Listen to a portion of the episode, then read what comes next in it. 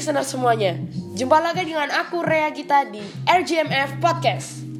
Kali ini, sebelum masuk ke topik pembicaraan yang lebih lanjut, aku meminta maaf dulu nih Bung. Udah beberapa hari ini nggak buat podcast karena kesibukan ujian sekolah dan juga sempat sakit juga sih. Sekarang pun masih batuk pilek, ya. Ini kayak suara saya lagi bindeng nih guys. Jadi sorry ya buang uh, Bung kalau suara mungkin agak kurang jelas atau mendem ataupun bindeng gitu. Ya pokoknya semacam itulah. Tapi hal itu tidak membuat saya malas bikin podcast. Yang ada harus tetap semangat. Jadi kali ini aku bakal membahas tentang move on dan akan memberikan 5 tips cara move on ala psikolog. Tapi sebelum itu, aku yakin di antara kalian pasti di sini tuh ada kan yang sweet move on sampai sekarang Padahal putusnya tuh udah lama, tapi gagal move onnya sampai sekarang. Aduh, jangan kayak gitu lah, Bung. Jangan sampai kayak gitu. Aku tahu, Bung, move on itu tuh eh move on setelah putus cinta itu tuh memang bukanlah hal yang sangat mudah. Setiap orang pun pasti memiliki waktu yang berbeda untuk bisa move on dengan mantannya. Lalu sebenarnya ada gak sih cara yang dapat mempercepat proses yang sangat membuang waktu kayak gini nih? Jawabannya adalah Bung. Jadi yang pertama, jangan pernah stalking media sosial mantan setelah putus. Kenapa? Karena stalking media sosial mantan hanya akan memperburuk keadaan. Stalking sebenarnya hanya untuk memenuhi rasa penasaran kamu terhadap dirinya. Padahal setelah melakukan hal ini, kamu akan menyesal karena telah melihat hal yang gak diinginkan. Sehingga muncul perasaan cemburu yang termasuk emosi negatif. Emosi negatif inilah yang membuat seseorang gak berfungsi secara optimal. Jika kamu gak sanggup melakukannya, unfollow aja lah itu semua akun media sosialnya. Meski terdengar kekanak-kanakan, cara ini tuh dapat membatasi akses kamu dengan mantan. Sehingga kamu dapat menjadi lebih baik dan terhindar dari melihat hal-hal yang tidak diinginkan. Yang kedua, buang barang yang membuatmu teringat dengan mantan. Pernah gak sih di satu titik kamu itu merasa selalu ingin menangis tanpa sebab setelah putus? Apalagi kalau ngelihat barang barang-barang pemberian dari mantan.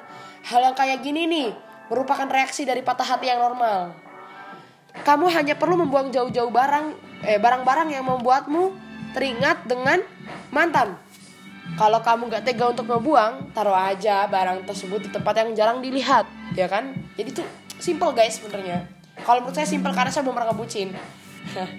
yang ketiga, gak perlu menjalankan eh gak perlu menyalahkan diri sendiri karena kandasnya hubungan kamu.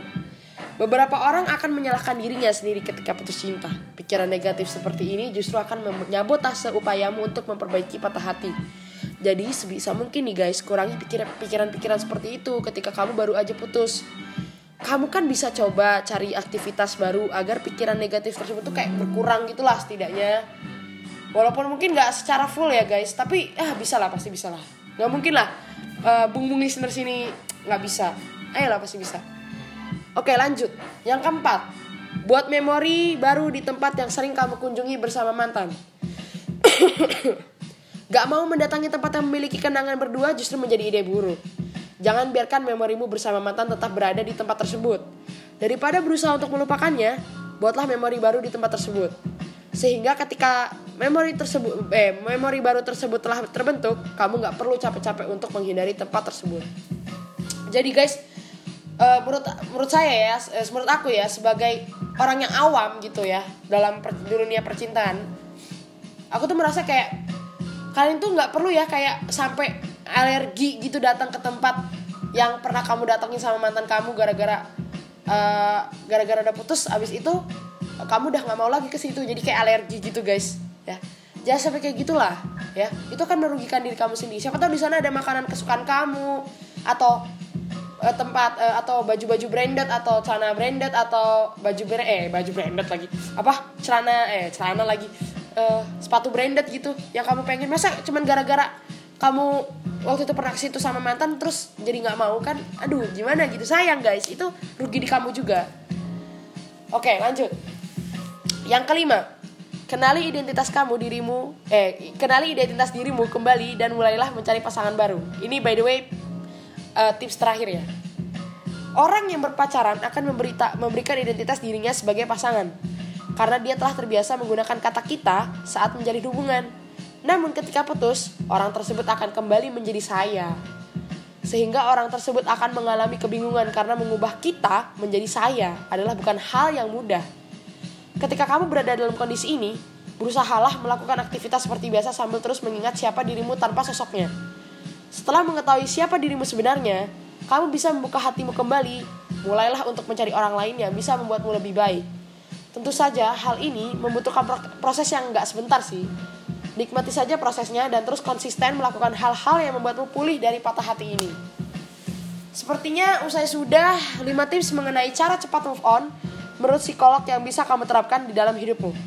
Yakinlah bahwa di dunia ini, ya, di dunia ini bukan hanya kamu yang pernah mengalami patah hati ini. Semua orang pernah mengalaminya dan bisa melalui rasa sakit ini. Begitu juga dengan diri kamu. Percayalah bahwa kamu juga dapat melewati ini. Uh, ingat, Bu, masih banyak orang yang menyayangimu di luar sana. Jadi jangan takut untuk move on dan jangan buang waktumu untuk hal-hal yang tidaklah berguna. Life must go on, Bung. Life must go on, Bung. Oke? Okay? So, enjoy your life. Ingat hidup ingat ya, hidup bawa santai aja, jangan dibawa serius.